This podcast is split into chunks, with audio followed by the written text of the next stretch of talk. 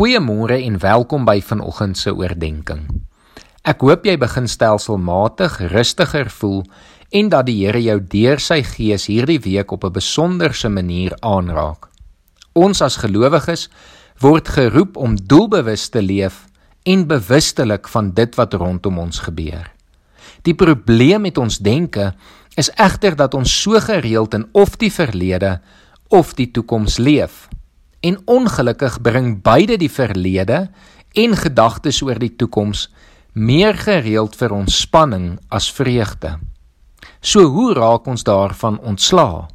Ons leef in die oomblik. Ons leef elke dag vir die dag wat die Here vir ons gegee het.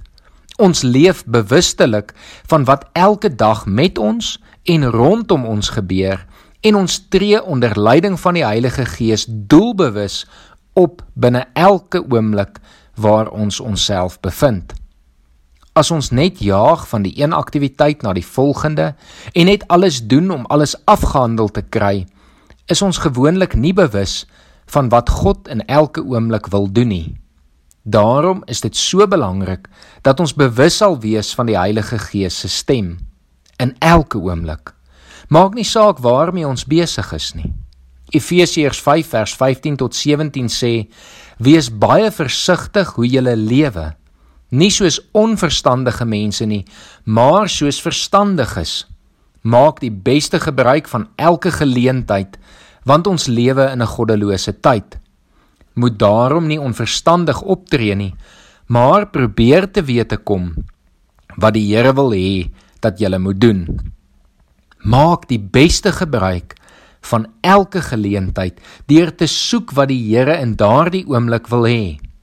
Dit is hoe ek en jy dit reg kry om in die Here bewustelik doelbewus te leef.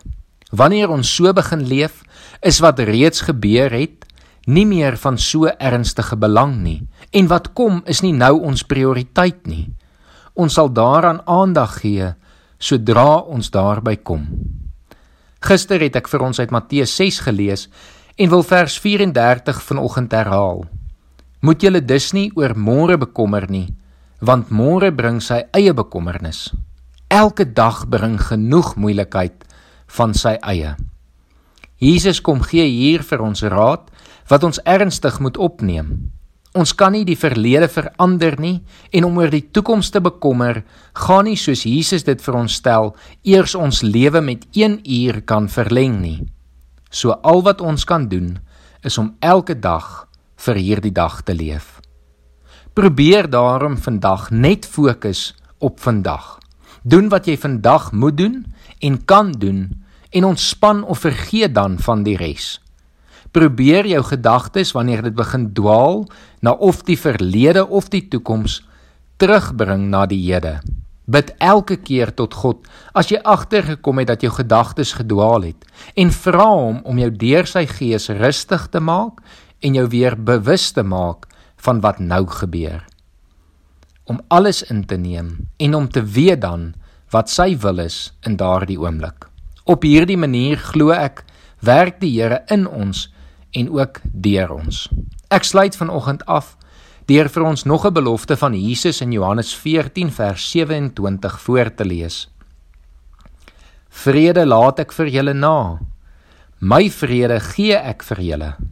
Die vrede wat ek vir julle gee, is nie die soort wat die wêreld gee nie. Julle moet nie ontsteld wees nie en julle moet nie bang wees nie. Kom ons bid saam.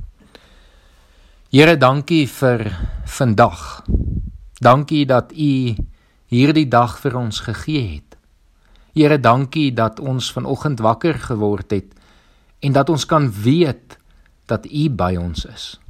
Here, ons kom vra dat U vandag by ons sal wees in elke oomblik en ons bewus sal maak van U teenwoordigheid. Dat U deur U Gees U wil vir ons sal openbaar in elke deel van ons dag. En Here mag ons dan soos ons bewus is van u teenwoordigheid en u wil ook aan u gehoorsaam wees Here om dit te doen wat u vandag wil hê ons moet doen.